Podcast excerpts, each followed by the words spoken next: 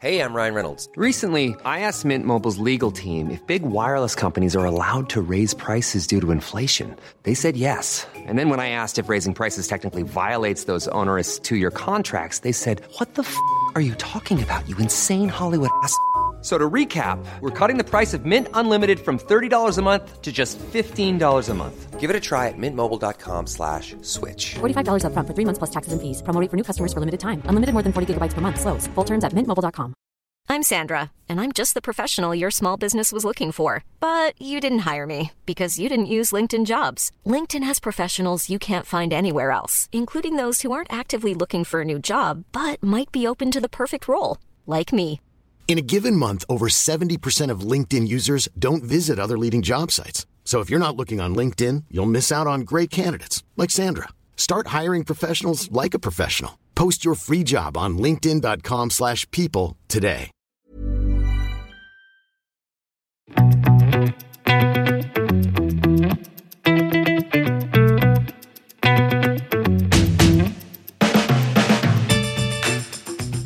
Dette er Hot i klokkeverden akkurat nå. Du hører på Klokkelandslaget. En ny episode er eh, klar i feeden, og i dag skal vi snakke om det nettopp nevnte. Jon Henrik og jeg har eh, oppdatert, oppdatert oss litt på, eller i hvert fall tenkt over litt, hva som er det kule nå. Og så serverer vi litt siste nytt, og så har vi en episode i boks. Og vi går rett på sak. Er du klar, Jon Henrik? På siste Ja. nytt? Yes. Viktigst av alt, vår hovedperson i denne podkasten, Davidé Charato, han har fått ny jobb. Endelig. Endelig! Han skal begynne å jobbe i det britiske lukkemerket Bremont. Hva syns du om det? Vi trodde han var eh, helten, og nå viser det seg at han- er antagonisten. Nei da, nå skal han sikkert rydde opp i eh, Bremont. De har jo David etablert rydder opp. Ja. Han har de har, Bremont har jo, Bremont har jo etablert eh, klokkefabrikk i England og prøver å gjøre det stort på det. Eh, The Wing, et fantastisk eh, litt sånn Det ligner kanskje litt på The Twist på Kistefoss. Uh, Eller en, ving, eller en vinge. eller en vinge. Eh, men det gjør jo The Twist også. Um, Ja, det er I England, ja. rart, en rar flymaskin i så fall, hvis det ligner på en vinge. jeg tror ikke den, den er ikke flyverdig, for å si det på den Så der har da David begynt å jobbe. For de som ikke kjenner han, så må vi jo si jo da, det var han som lagde Black Bay-serien, bla, bla. Og så sist i HIT. Og når vi lurte om vi kunne få intervju med han under Watches and Wonders, så sa de der at nei, han jobber ikke i HIT lenger, og det visste ikke vi, det skjønte ikke vi. Og så møtte jeg han i gaten. Den var noe interessant. Ja. Så møtte jeg han eh, i messehallen, og så spurte jeg hvor jobber du, og så sa han gi meg businesskortet ditt, så skal jeg si, sende deg en melding når jeg dropper nyhetene. Og det gjorde han ikke. Men nå har vi i hvert fall fått vite det gjennom Houdinki, så det er jo koselig. Um, Ja. uh, så det var den første nyheten. Vi skal ikke dvele ved det, men vi, vi tror jo og håper at han kanskje kan få skikk på sjappa. Ja, men er det så mye å få skikk på? Har det ikke gått ganske ja, det- bra for de siste Jo, det har gått ganske bra i det siste, men jeg har tenkt sånn, altså, de- de fleste oss vil jo huske denne litt sånn fadese med sånn, eh, med sånn Var dette made in eh, UK, eller eh, Og litt sånn eh, Litt sånn, Ja, det litt sånn, det- Var dette faktisk bomull bomullstøy fra flyet til Wright, eller et eller annet sånt? Var det ikke noe sånt? Det kan skje den beste. Det kan skje den beste. Jo da. Så det. Ja, det blir spennende å se hva han får til. Det gjør det. Har det kommet et nytt klokkemagasin. Jaha. som ble sluppet nå under uh, vårauksjonssesongen, uh, helgen rundt den 14. mai. Ok. Hvem er Det er det en som som er heter Heist Out. Nei, ikke vær skeptisk, okay. for dette er dritkult. Bare sånn til info. Uh, sjekk det ut på Instagram for de som hører på. Uh, det er et litt sånn alternativt klokkemagasin, startet av ganske kule unge klokkeentusiaster og dealere og litt sånn, hva skal man kalle det, skribenter, og noen som jobber i eller også holder på med det der Watches and Culture-prosjektet til uh, Fondation du Haute Horlogie, eh, FHH. Men det, har de noe med dette å gjøre, eller? Nei, Eh, det er, det er ikke Men jeg sa de, de holder, noen av de er også involvert i det, men ikke uh, at eh, FHH er involvert i dette, slik jeg har forstått det. Ok. ok. Så dette er jo for eksempel Noen kan kjenner kanskje til han uh, Jojo Lamondre på Instagram. Eh, en Joel som driver og dealer litt sånn vinterslugger. Og så er det noen sånne kule samlere, sånn Mr. A, en som heter på Instagram. Og så er det jo en av de karene fra Rabilør, hvordan man uttaler det. Har jeg også Ja, sett eh, vært litt franske. involvert. Ja. Så det? dette kan bli meget fresht. De hadde sånn eh, lansering, eller dropp, av den første utgaven på en sånn, ja, en lanseringsfest. Det er veldig Eh, lite informasjon om det. Ja, det er veldig lite informasjon, men, men det kommer, og det ser veldig bra ut, i hvert fall det jeg har sett, eh, for den yngre garde. Eh, så det er festlig. De satser på litt sånn quirky klokker. Litt annerledes ting. Og innhold. Så det tror jeg kan bli bra. Så det er et faktisk papirmagasin. Jepp. Det er ikke tilgjengelig for å kjøpe noe sånn utenom vi ved å kontakte de, tror jeg. Så, men det, det kommer nok innen eh, folk hører på denne episoden, tenker jeg. Ja, nei, det er jo ikke engang noe Så det er kult. Det er ikke engang noe Nei. link her. Det er jo ingenting. Jo, du må se storyene til de som er involvert. Da forstår du. Så derfor er vi særs tidlig ute med informasjon, Jon Henrik. Nok om det. Nei. Hovedtemaet i dag det er eh, hva som er hot i klokkeverden. Hot, hot, hot. Ikke si nei takk. Hot, hot, hot. Hva er hot? Jo, Mm. det har vi sjekket ut. Ja. For vi er jo tappet inn på trendene, for å si det sånn. Altså, Det høres bedre ut på engelsk enn på norsk. Um, vi, er, eh, vi er koblet fysisk med trendene. Ja. For jeg er er halvveis i klokkeåret, kanskje. Eller hva man skal si. Men det er gått i gang, i hvert fall. Så nå har det jo godt begynt å bli litt tydeligere hva som er eh, Hva det handler om i år, eller hva, hvordan året kommer til å bli, eller hva ja. Vi har vært litt inne på disse tingene før. ja. Nei, jeg tenker vi må dele det kanskje litt opp. At vi kan si litt om design og farger og teknisk og ja, marked. Mm. Litt forskjellig. Um, designfronten så vil jeg jo si det fortsatt er veldig mye luksuriøse sportsklokker med integrert lenke. Det er ikke, luften har ikke gått helt ut av ballongen der ennå. På ingen måte.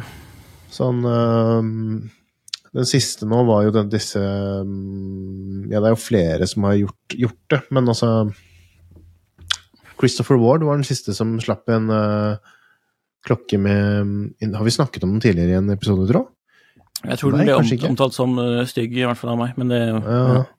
Mm.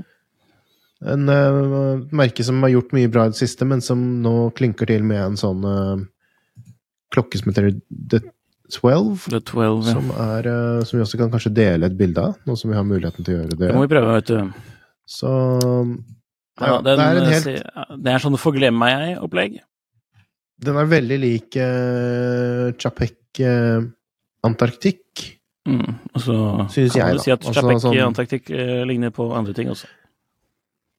Ja, men denne her er mer lik den- Denne her er mer lik Denne er mer lik Antarktik enn Antarktik er lik andre ting, vil jeg Det er jeg helt enig i. Den har mer Og, og så er jeg kanskje til, tilbøyelig til å hevde det at uh, Chapek sin klokke kanskje er den siste Den siste av de vi har sett som er gode, da. Altså av disse designene, av disse modellene. Innenfor denne kategorien. At det er den siste som kom som Det har ikke vært så mye bra etter det. Den er heller ikke noe favoritt, personlig favoritt for meg, da, men sånn i, i forhold til mottakelse og i forhold til ja, egentlig kvalitet og sånne ting, da. At det, det er liksom den siste um, av de som på, blitt, på den eh, måten har livets rett. Men, eh, solgt litt av de i Norge. Så, Ja, det har det. Så det er jo litt sånn interessant å se, da, at det er, Tid man vil. at det er eh, forskjellig. Men uh, Mm. ja, nei, jeg syns denne trenden fortsetter. Jeg, jeg tviler ikke på Eller jeg, jeg tror jo dette er også noe som kommer til å fortsette. Jeg, jeg tror ikke um, Christopher Ward blir den siste vi ser innenfor denne kategorien. Eh, Absolutt ikke. Det tror jeg ikke. Eh, Så er spørsmålet da om det i stedet for å være en trend, faktisk bare blir en sånn standard um, del av um, en vanlig um, kolleksjon. Det å ha en sånn litt sånn 70 70-tallsinspirert eh, klokke i den sjangeren. At det bare er noe man kommer til å se mer av hos de fleste. At man ikke egentlig reagerer noe, noe som tenker på at det er eh, en luksuriøs sportsklokke med integrert lenke, men man tenker bare at nei, det er en klokke, og som har et sånt design. En designtype, akkurat som en pilotklokke eller en dykkerklokke, som jo veldig mange merker har. Og, eller en, liksom en racingkronograf, at det bare blir en slags uh, Og egentlig så føler jeg vi er litt i at det begynner å gå litt i den retningen, for nå begynner det å bli så mange av disse klokkene at man ikke lenger Det er ikke noe oppsiktsvekkende eller noe spesielt å komme en Tissot PRX, liksom. Det en, Men uh, Bulova Royal Oak er fortsatt Det er fortsatt uh, ikke en Royal Oak. okay. Nei, det kan du si. Mm.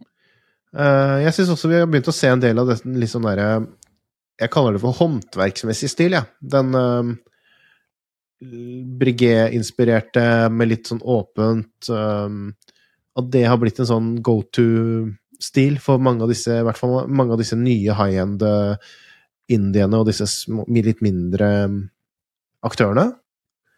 At man begynner å se veldig sånn At den stilen um, Eller om noen kaller det litt sånn Man så jo det også på sånn typisk sånn Kanskje på Jordan, tidlig Jordan, at man ser liksom mye av det samme yep. der. Og mye bruk av uh, gullfarget og, metall. Ja, og, liksom, og litt det der at man ser at ting er litt eksponert, at man har um, Og det har nesten blitt en sånn At det er nesten litt sånn trend. At man ser uh, At det er den stilen hvis man går til en eller annen Hvis man hører om en ny ung urmaker som gjør et eller annet, så er det sånn 50-50 at det er en sånn At det er den stilen. Jeg syns det er fint, jeg. Men uh, altså, ja, det, det, er, mange av disse designene er fine. Men det begynner å bli litt sånn Kanskje litt uh, Litt lite kreativt. Man kanskje kan finne på andre ting. Jeg vet ikke. Jo, helt enig. Um, størrelser ned, det er du happy for? At man nå yep. begynner å se Kan si det med sikkerhet, at det er um, ganske tydelig det at mange har begynt å gå ned i størrelse. Selv de merkene som, um, som tidligere var sånn veldig at klokker skulle være store og og sånn også. Um, Panerai kom jo nå med en 38 mm uh, Ja, den, den, har de hatt før, men uh, altså de fortsatte å bygge videre på denne 38 mm um, Luminor-due. Yep. Som er den minste kassen Panerai noensinne har um, laget. Oh. Uh, og den, var, den, satt fint på hånden til uh, altså selv de som kan ha på seg 47 mm. Så. Ja. Nei, det er jo liksom, liksom det dressklokke, nesten dressklokke Dressklokke-alternativet til Panerai, da, på en måte. Med litt mer karakter. Jeg vet ikke. Det, mm. det funker. Absolutt. Utvilsomt. Eh, jeg liker det veldig godt. Litt mer materialer. Eh, I alle prisklasser. At man begynner, begynner, å se ting som karbonfiber, keramikk, men også titan. Mye. S. det har vært mye titan i det siste. Og jeg virker som det liksom har begynt å bli en sånn ganske ganske mm, vanlig alternativ. Det kan like godt være at de gjør noe i titan, enn at de gjør noe i, i gull. Og kanskje litt sånn også, at så lenge det i hvert fall ikke er disse, en sånn veldig tradisjonell dressklokke, så der man tidligere hadde lagd en litt dyrere eller litt mer spesiell eh, boutique edition eller noe spesielt i, i gull, eller hvitt gull, så gjør man det nå kanskje heller i titan, og så ja, gjør man det kanskje i gull også, men uh, ja, jeg syns man begynner å se, se, mye mer til det, og jeg syns også det begynner å bli veldig mye mer uh, At man ikke lenger ser den der tydelige koblingen til disse um, som karbonfiber og ulike komposittmaterialer, og sånn at man ikke ser denne veldig tydelig kobling mot pris. For før var det nesten at dette ble brukt som et argument for hvorfor en klokke er dyr. Nei, det er fordi den har karbonkomposittkasse, ikke sant. Men nå så ser man at mange alternative materialer også begynner å finne veien til forholdsvis rimelige klokker. Vist, vist med, med, med, som vi har sagt om mye, Citizen ProMaster. Mm. I hvert fall da i, for, i form av titan, så mm. Og det er, jo, det er, jo, gøy, det. At man får litt flere strenger å spille på, og ikke bare at man ser på kanskje egenskapene til materialet, men at det også går litt på faktisk hva slags estetisk uttrykk de ulike tingene kan være med på å skape, da. Og det er kanskje det mest spennende med det. At det er uh, Kjøre en sort keramikkasse, at det kan Ja, det gir et spesielt look. Um, jeg så forresten at det var på sånn, Apropos vår forrige episode, så var det mm. På, om det var Antikorum da, som solgte en, eh, en uh, kronograf um, oh, Fliegerkronograf, sorry. Med mm. sånn aftermarket DLC-coating for å etterligne de klokkene som faktisk hadde det Ikke at dette er noe trend eller noe sånt, da, men at ja. altså, jeg tror folk, at folk syns det er at eh, de er kule. Og vi ser jo det også i IWC moderne klokker som de lanserer nå, at de bruker litt mer av disse, disse blå, tekst, blå pigmentene i Altså, hva er det de Denne blå kronografen Altså, nå husker jeg ikke hva de var laget av igjen, men ja At man at man kan, man kan se, sette pris på det estetiske ved noe annet. Jeg vet ikke om, om liksom Rolex, når de lagde Yachtmaster med Titan, og de tenkte teknikk først, eller et annet uttrykk, men i hvert fall vil jeg tippe når det gjelder Alang Odzone, når de kom med Odysseus i Titan, Mm. at de da tenkte et annet uttrykk, mer enn at det bare liksom skulle være lettere.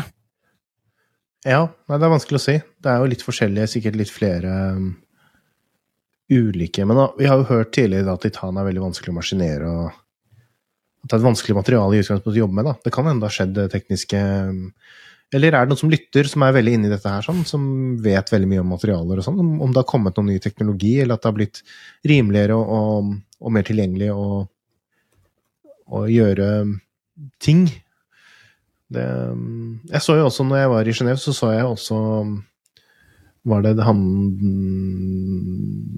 Kando, er det det han heter? Um, in- Indie. Som hadde laget urverk av titan. Hvor det var veldig bra finish. Og hvor han da måtte finne på sin egen måte å gjøre det på, for det ville jo ikke fungert da med å sitte med disse trepinnene og, og lage anglasj, Men det, det går ikke. Så Nei, men det er kult at det er forskjellige materialer, og jeg setter i hvert fall personlig mest pris på det estetiske ved det. Da. At man ser at det kan gi forskjellige uttrykk, og at det gjør- ting litt mer spennende. At det ikke bare blir børsta eller polert stål stoff. Hey, it's Danny Pellegrino from Everything Iconic. Ready to upgrade your style game without blowing your budget? Check out Quince. They've got all the good stuff shirts and polos, activewear, and fine leather goods, all at 50 to 80% less than other high end brands. And the best part? They're all about safe, ethical, and responsible manufacturing. Get that luxury vibe without the luxury price tag. Hit up quince.com slash upgrade for free shipping and 365 day returns on your next order. That's quince.com slash upgrade. I'm Sandra, and I'm just the professional your small business was looking for. But you didn't hire me because you didn't use LinkedIn jobs. LinkedIn has professionals you can't find anywhere else, including those who aren't actively looking for a new job but might be open to the perfect role, like me. In a given month, over 70% of LinkedIn users don't visit other leading job sites. So if you're not looking on LinkedIn, you'll miss out on great candidates like Sandra. Start hiring professionals like a professional. Post your free job on linkedin.com/people slash people today.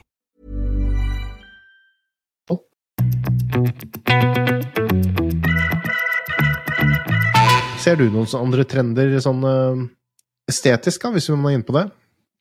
Jeg syns at eh, at, at sånne quirky looks, det er blitt mer lov. Og som vi var inne på i forrige episode, ledes av Cartier Crash, utvilsomt, i den kategorien når rappere og folk som er eh, høyt oppe sånn på kulhetsskalaen, at de liksom, og lederne i trender, at de bruker sånne quirky klokker, da, da regner det ned på oss andre også. Og vi vil gjøre det. Så Cartier Cash definitivt har vært en Altså den, den eh, nye populariteten den har fått, den har gjort mye for andre sånne quirky klokker også. Og da tenker jeg ikke sånne helt sånne ville klokker akkurat sånn som den, men kanskje ville farger, litt mer crazy farger, eh, litt mer Litt mer, eh, litt mer, men kanskje litt sobert. Diamanter, eller safirer. Ja. Eh, og litt sånn at eh, de quirky Gerald, Gerald Genta-klokkene har virkelig liksom fått en uh, ny giv. Det er også litt i relasjon til at det merket Ellers er det kanskje litt også derfor at det merket nå blir gjenopplivet av eh, LVMH.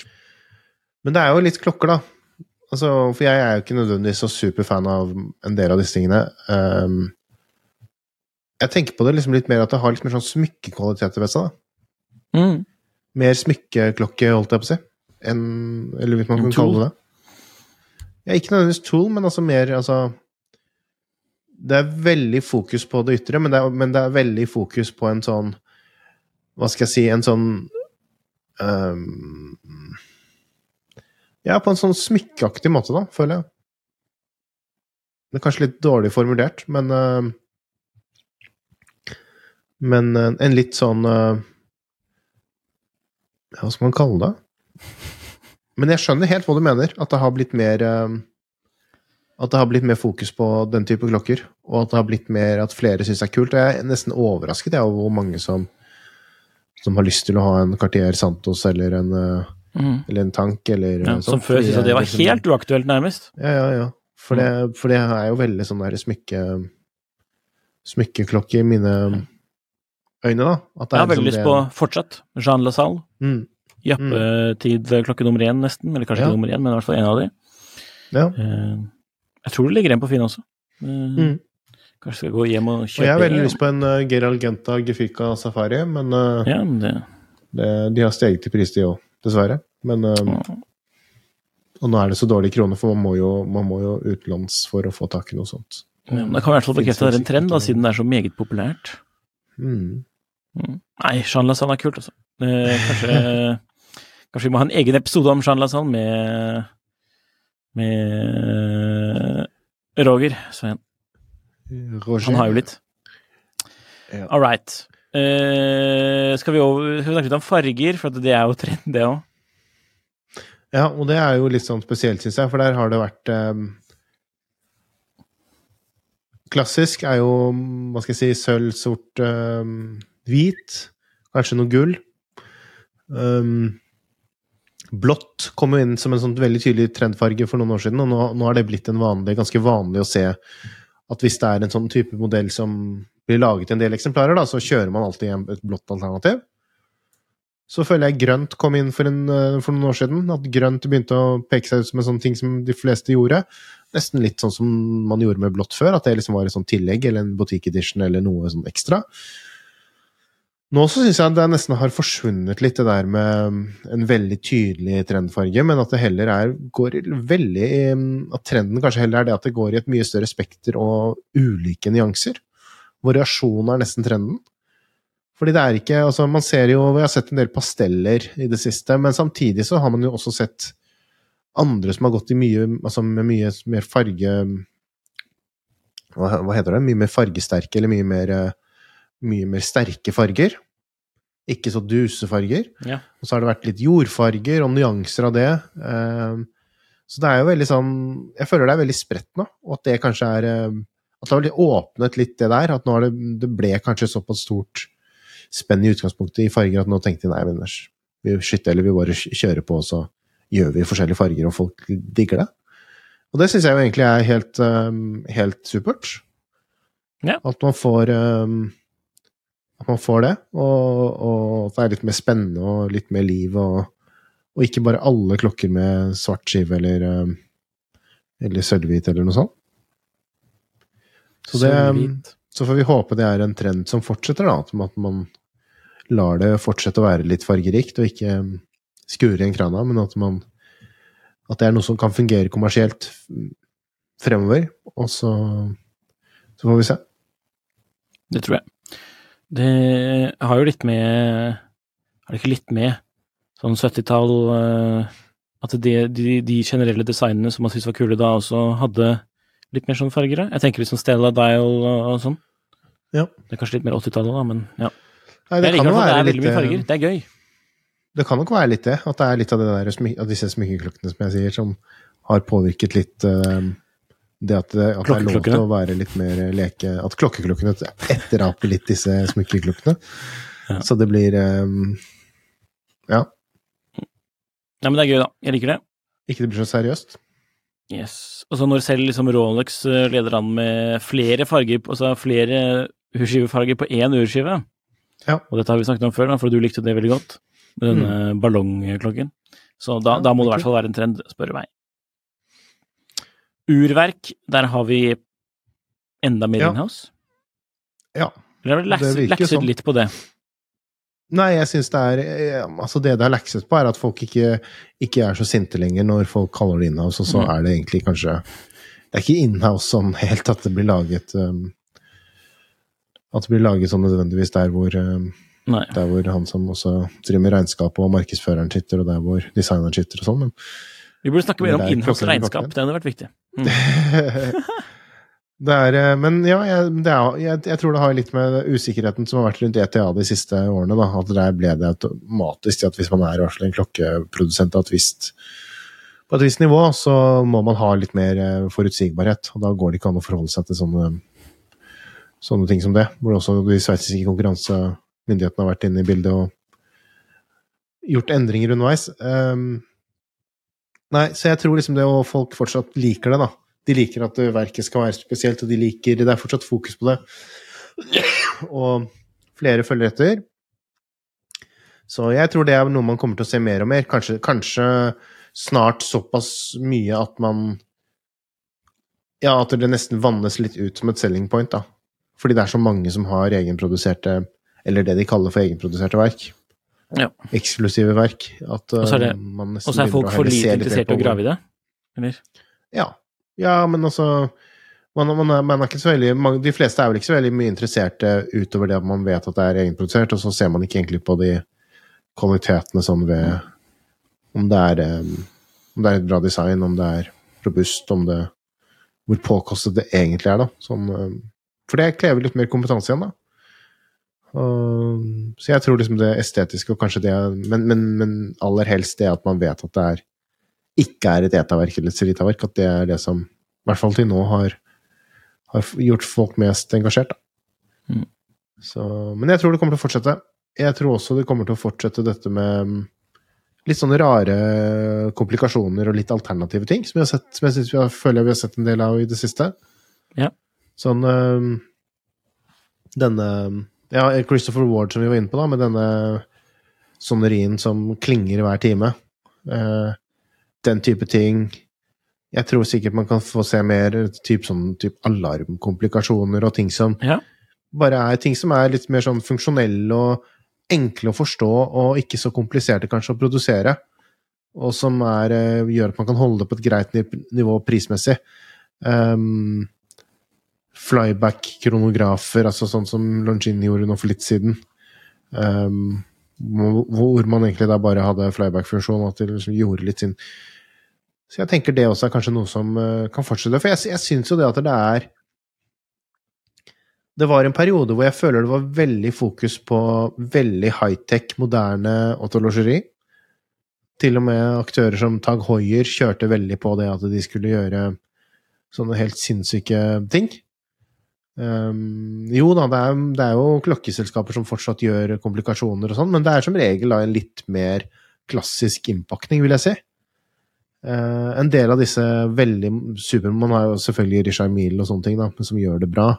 Man har uh, Oddmar Piguet, men altså, man har ikke Man har ikke Jeg føler de har forsvunnet en del av disse litt sånn outsiderne, da. De som, de som prøver å gjøre noe veldig spesielt og veldig dyrt og veldig det, Ja, HIT. Vi får se hva som skjer med HIT da, videre nå uten ja, er David. Og så er det Men, men eh, mange, av disse, mange av disse selskapene har jo også, gikk jo også konkurs i en periode. Og det er jo litt sånn, da, at det har Jeg føler ikke det har blitt erstattet, da, sånn når eh, Etter at de har forsvunnet. Så Og det er kanskje litt det der igjen eh, Ja, inn på den smykkeklokketrenden igjen, da, at det er ikke så hvis man skal lykkes i den eh, høye prisklassen, så må man kanskje heller gjøre litt mer uh, som Biver, da. Ting som er sånn halvklassisk, eller hva man skal kalle det. FB Jorn. Ting som er eh, litt mer forståelig for eh, kanskje litt Ja, jeg vet ikke. Um, Mm.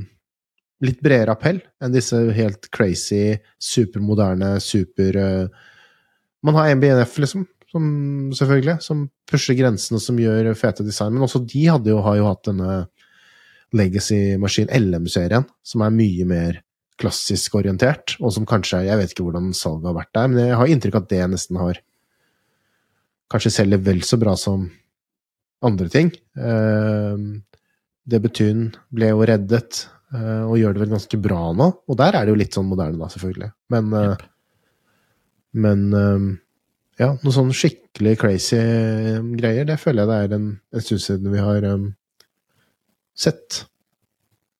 Så jeg tror heller på liksom da mer de klassiske tingene og mer små komplikasjoner. Og heller litt mer sånne demo, demokratiske komplikasjoner. Litt, sånn, Litt, sånn, litt, sånne gimmicker? Ja, litt sånn små, små sånn lille ekstra, da, på en del Mm. um, klokker igjen. Um, sånn.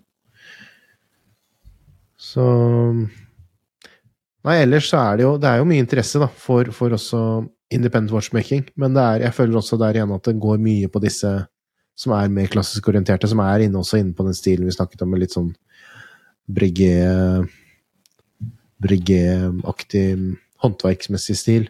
Eh, Det viser jo også altså Daniel Roth har jo litt av den litt av den, eh, Ikke sant? den filen òg. Og at det er liksom den, den stilen, da, og med Parmigiani, Roger Yep. Dubuis, lurer på hvordan det går med de, egentlig. som jeg har nevnt tidligere. Hm? Parmigiani. For det har alltid vært litt sånn Ja, det har alltid vært litt sært. Jo, men jeg Ikke har sånn hørt sært altså, det, det, var, det, er ikke så veldig sært, men fordi det er, liksom, Det er ikke det er så mange som kjøper det, får jeg inntrykk av det er vel ikke mer enn et par år siden hvor det var ganske rapportert at det var ganske dårlig salg der, og at, det var, at de gikk ikke i pluss, da, for å si det sånn. Så lanserte de jo denne Husker du hva den heter? Det står helt stille nå. Mm. Er det Å ja, ja, ja, ja, nå vet jeg ja. Mm, Deres integrerte lenkeløkk. Ikke sant? Som jeg tror har gått ganske greit. Ja, for de lanserte jo noen nye av dem på Eller, noe, eller kanskje ikke akkurat, eh, men de viste i hvert fall fram på Watches and Wonders også. Og de er veldig fine. Ja, der var det Eh, også en sånn der eh, liten komplikasjon. Ja, som var helt latterlig. Det var noe sånn ratrapant eh, greie. Som Ja. ikke var rattrapant. Timeviser, Det var timeratrapant. Ja, et Minutt, minutt, minuttrattrapant var det kanskje. Tonda heter den. Mm. Tonda PF. PF. Mm. Riktig. Nei da, det er mye sånne rare Men altså, ja. Ja. Så man ser liksom en interesse for litt tidlig, da. Og så tenker jeg det kanskje kan komme Kanskje det snart kan komme litt sånn andre bølger, at det blir utvidet litt mer, da. Med typ sånn Speak Marine, Harry Winston, Opus. Som det jo er en del samlere på, men som er Altså, det er ikke de synlige Jeg kan ikke huske sist jeg så en Harry Winston Opus på på Instagram. Det er ikke de synlige Det er jo selvfølgelig sykt dyre ting, da, men altså Det er sånne ting jeg mener burde komme, da. Og også med ting som tidlig urverk eh, Ting som det, hvor man heller ikke ser egentlig så veldig mye, føler jeg. Mm. Vianney Alter. Så man ser litt, altså, men kanskje ikke så mye der heller. Men at man begynner å få litt mer av de tingene der, og utvides litt forbi disse Daniel Rotten. Og, og kanskje det blir litt ukult nå, jeg vet ikke, noe som LV, LVM må kjøre på med. Jeg, vet Jeg tenker det kommer til å være kult i to år til, og så kanskje kan vi begynne å snakke om litt sånn ukult. Men spørs, spørs hvordan eh, Arnault-sønnen forvalter Arnault. eh, arven. Arnault. Arnault. Nei da, vi får se. Ikke Vi får se. Vi får se Ja. hva som skjer, men jeg tror Det fortsatt kommer til å være fokus på det, og det er veldig tydelig at det er det nå. Og ja, og det er jo litt sånn, på en måte litt motvekt til eh, prisene og det man ser i, ellers i markedet, da, på mainstream-ting. Rolex økte jo prisene igjen i mai. Um, jeg bare tok en sånn kjapp sample, eh, fra, fra Watches and Wonders i april. Så kostet altså en vanlig Cosmograph Daytona 160 600, den nyeste versjonen. Og nå så vil de ha 100 og Skal vi se ja. Den trenden jeg håper ikke kommer til å forsvinne, det er hjemmesider til merker som er helt ubrukelige. Må Rolex, de, scrolle, scrolle Ja. gjennom 100 sider for å komme frem til noe vettugt. Rolex vil holde deg på nettsiden, vet du, så du er der lengst mulig. Vise deg ja, mest mulig videoer deg, sånn at ikke du, sånn at ikke du gidder å gå til um, Sånn at ikke du gidder å gå og sette opp liste. 168 600 nå. Ja, ikke sant. 8000 opp. 8000, skandale. Men når de gjør det fire ganger i året, så blir det fort Samme med Yachtmasteren er vel oppi mm, den nye Titanium, Titanium som vi vi var inne på nå i, um, tidligere. Ja. 157 000. Um, 149 000 på Watches and Wonders. Så de har skrudd opp prisen igjen, og det er jo av valuta og alt mulig Ja. ting som foregår, så begynner det å bli dyrt. Eh, og disse indie-interessene har jo vært litt en motvekt på en måte til det, men så har det jo blitt en slags hype der også, hvor Mm. man ser en del merker og en del uh, som uh, som også blir Man ser altså, hva skal jeg si, det sa litt av det samme problemet, egentlig, da, som begynner å skje der. Så Men det er jo så klart fortsatt mulig å gjøre gode kjøp på en del ukule ting fra indies og fra Ja. neo-vintage og sånn. Det det er ikke det, da. Men man begynner i hvert fall å se litt at det, det begynner å ta seg igjen. Og mange merker priser seg opp. Ikke bare Rolex og Omega og Det er jo over hele linjen, virker det som. Tror du det demper eh, Altså at eh, altså nyprisene går opp, tror du det demper eh, liksom fallet i bruktpriser? Vanskelig å si. Det er litt vanskelig å si. For nå har jo Kanskje- altså, De siste 24 månedene, denne Subdial 50-indeksen, eller nå henter det faktisk Bloomberg Subdial Watch-indeks, tror jeg. Den har jo vært ned sånn 28% tror jeg, de siste 24 månedene. Eller var det 12, måned 12 månedene? Eller 24 Mm. månedene? Pokken, husker jeg ikke. Men i hvert fall de siste Uh, Den siste tiden så har det vært uh, lavere nedgang, holdt på å si. Sånn det, sånn, det ser ut som det liksom jevner seg ut. Mm. Uh, Nå skal jeg dra den opp her, så jeg har det sånn 100 eh, ordentlig. For den setter jo sammen uh, gjennomsnitts... Den lager en slags indeks av de 50 mest omsatte bruktklokkene, eller mest populære bruktklokkene på annenhåndsmarkedet. Mm. Um, og nå kalkulerer den indeksen for meg her. 24 måneder, så er den ned 3,8% Og så 24 måneder, det er jo før denne toppen-toppen da vi så i april uh, 2022, tror jeg. Da var den sånn veldig topp. Ja. Uh, februar 2022, rundt der. Mm. Og så for Mm. over tolv måneder så er da den ned 25 Ja. Seks måneder 1,8. Mm. 30 dager 0,4 opp. Så jeg lurer på om vi er liksom, at vi er liksom ferdig med At vi har normalisert oss litt mer etter denne gigantiske toppen da, som fantes. Ja, vi får se, da. Ja, Vi får se. sånn. Jeg, jeg tror ikke det er helt Jeg tror ikke man kan anta at alt kommer til å være helt uavhengig av resten av verdensøkonomi og hvordan ting går. Eller i hvert fall sånn i bruktmarkedet her hjemme også. Og det kan ikke være helt isolert fra hvordan det går med folks økonomi. Jeg tror det at det sånn Hvis det fortsetter slik som det er nå, så tror jeg at man kommer til å Man merker det, har allerede merket det veldig da, i Norge, at det er, markedet er veldig mye treigere nå enn det det var eh, tidligere. Og spesielt da innenfor ting som kanskje ikke er så lett å prise. Rolex vet man jo hva skal koste. Man vet jo hva prisen er. Mm. Man har en, i hvert fall en range, så man vet hva som ting skal koste. Veldig rett å prissette. Men de tingene som ikke er superlikvide og superenkle å prise, så går det utrolig tregt, er inntrykket av. Mm. Jeg har snakket med flere om, så Så hva tror du om Nei, tiden fremover? ikke. Terningkast opp, holdt jeg på å si. Terningkast. Tommel opp. Ja, altså Hvis man har mye penger på bok og har lyst til å kjøpe, så kjøpe noe kult, så tror jeg det blir gode muligheter for det fremover. Mm. I Norge, i hvert fall. Um, problemet i forhold til utlandet nå er jo litt det at man har den der valutaproblemene, da. Som, eh, Ja. som jo gjør det veldig dyrt ute, uansett. Men her hjemme så har det jo som regel vist seg tidligere i hvert fall at vi er litt isolert fra resten av verden. og man får ikke de samme prisene man ser på krona for en uh, norsk klokke som er altså, i en sånn av de litt rarere tingene, da. Men det kan jo være en fin kjøpsmulighet, det. Hvis man har lyst på noe Hvis man som sagt har litt penger på bok og har lyst til å kjøpe noe og eie det. Ja, det er jo der penger er på Så- bok. Å ha penger på Mm. bok.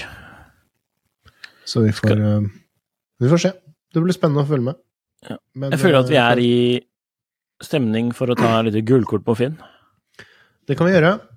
Hva er det du har funnet frem i dag? Først så Vi har vært litt inne på dette. Mm. Bulova Royal Oak. Great. Altså Royal Oak i store anfør... Royal Eik, faktisk. Royal Oak i store anførselstegn her. Um, eller eh, preferabelt skulle jeg gjerne ønsket å sette en strek over Royal Oak. Uh, prisene på de er jo utrolig høye. Mm. Her, altså På Finn nå så ser jeg en til 30 000 med sort urskive. Kvarts, mind you. Bare en, altså, uten boks og papirer. 30 000. Og så er det en annen en med hvit urskive til 25 Og så er det jo, er det jo denne myten da, om at uh, Gerald Genta egentlig designet denne for uh, Burlo, altså Royal Oak for Bulova, mens han angivelig jobbet her en kort uh, stund. Dette er en sånn myte som vi burde, vi burde egentlig ha en sånn Mythbuster-episode. Mm. Uh, for jeg har faktisk ikke gjort for mye research akkurat på den myten der, men faktum er at den, det, det er jo ikke noe Det er jo ingen Royal Oak. Annet at det hva ser veldig likt ut. Sånn. At det er, ikke, det, er jo, det er jo hommage. Ja, ja, ja. Mm. Nei, altså, jeg leste jeg litt om det for en stund siden, og jeg tror det der er litt sånn eh, At det nettopp er det du sier, det har blitt bare en sånn myte. Um, Gente har vel gjort noe jobb for Bulova annet, men eh, at det har vært litt sånn Nei, han var uh, i, uh, han har vært i kontakt med, med Altså, han kjente til merket og var i kontakt med de eller gjort noen andre jobber eller noe i den perioden, og da bare antar vi at det er ikke Det kan hende at, uh, at han har gjort det for Mm. Belova. Ikke sant? Altså, det, jeg mener det var noe sånt, da. Og så tror jeg det bare har blitt bygget seg på fra kommentarfelt i, under artikler til diverse ting til at folk har begynt å skrive det litt i artikler eller whatever, og så bare blir det en sånn fæl løgn som bare blir spredd videre. Men eh, altså, jeg skal ikke være helt basant på det. Jeg skal ikke være i Periscope her og være helt eh, fullstendig basant. At eh, det er Royal Oak-lobbyen som har eh, Investor-lobbyen som har sydd sammen en, et komplott. Jeg, jeg ser jo at jeg har klikket meg inn på mange av lenkene her når man søker. Og jeg er derfor jeg er rimelig sikker på at vi har snakket om det her før i en episode. Jeg Men er litt i tvil, men mulig, mulig, mulig. Mm. Wound for Life uh, sier jo At det ikke har noe med hverandre å gjøre. Altså, for det stemmer at Gerald Genta jobbet for Belova på et tidspunkt. Men Skal vi se, her var det. While Gerald Genta did actually work for Belova at one point, he without a doubt designed the Royal Oak while working at Piguet. Ikke sant. For det var det The jeg true mente. story blitt, is that after getting a call from the managing director at the time, uh, Georges Jolai, Genta was told that he was to design a high-end steel sports watch, and it needed to be completed by the following morning. Det, er, det høres også litt ut som bullshit, da, men ja. ja, ja. Ikke sant. Så tok han jo da eh, inspirasjonen fra disse fra dykkehjelmer og bla, bla. Ja. Ja. Så det kan jo hende at han bare hadde det her liggende. Og, altså, og så, det er jo jævlig enkelt at når du skal lage noe til morgenen etterpå, bare ta noe du allerede har.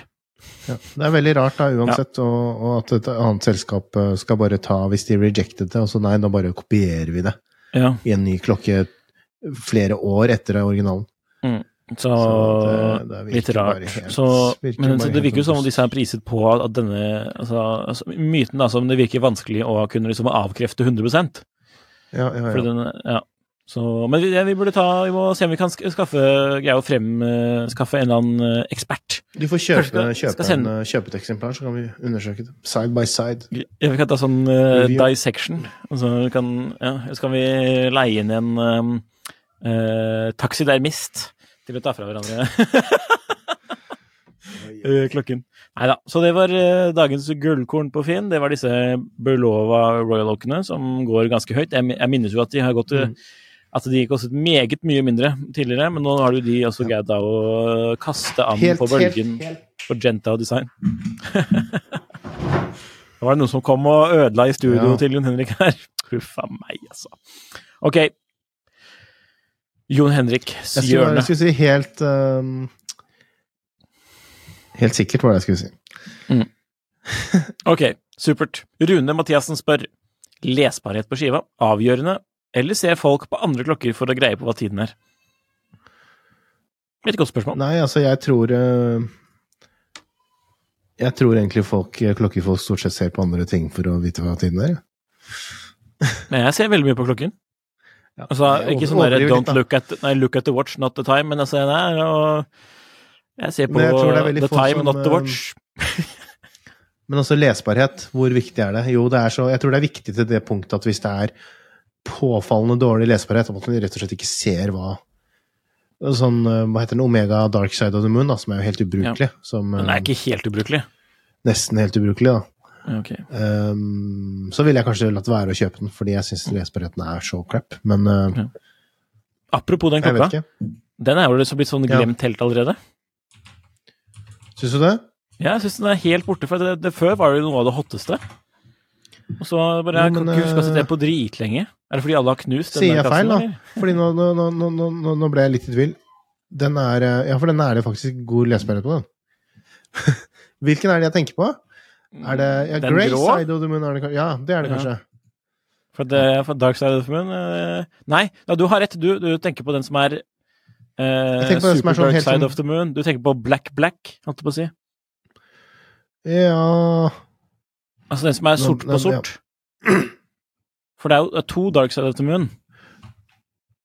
Dark Side of the Moon Ja, men det er flere. Um, ja, for det er en som er sort, og som, som har lyse um, lysindekser.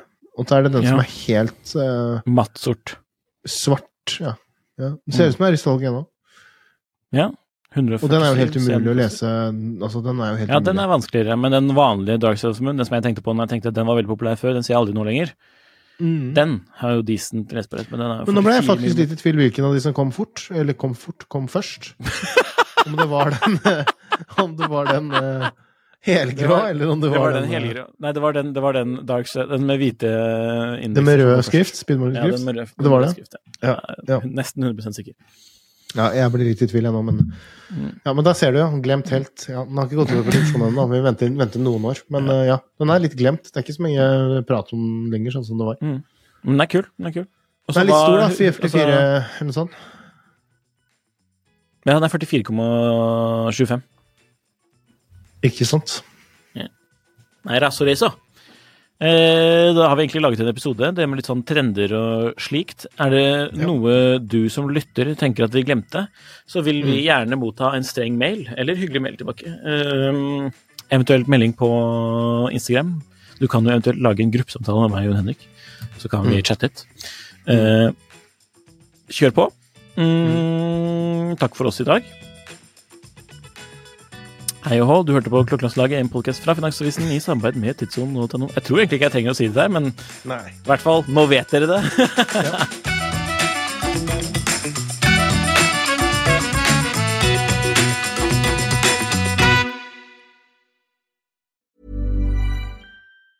Hi, I'm Daniel, founder of Pretty Litter. Did you know cats tend to hide symptoms of sickness and pain? I learned this the hard way after losing my cat, Gingy. So I created Pretty Litter, a health monitoring litter that helps detect early signs of illness by changing colors, saving you money and potentially your cat's life. Pretty Litter is veterinarian developed, and it's the easiest way to keep tabs on your fur baby's health right at home. Go to prettylitter.com and use code ACAST for 20% off your first order and a free cat toy. Terms and conditions apply. See site for details. Klokkelandslaget er en Finansavisen-podkast i samarbeid med Tidso. Programleder er Nicolai Giel og Jon Henrik Haraldsen. Produsent er Lars Brenden Skram. Podkast- og videoansvarlig er Marius Mørk Larsen. Og ansvarlig redaktør er Trygve Hegnar.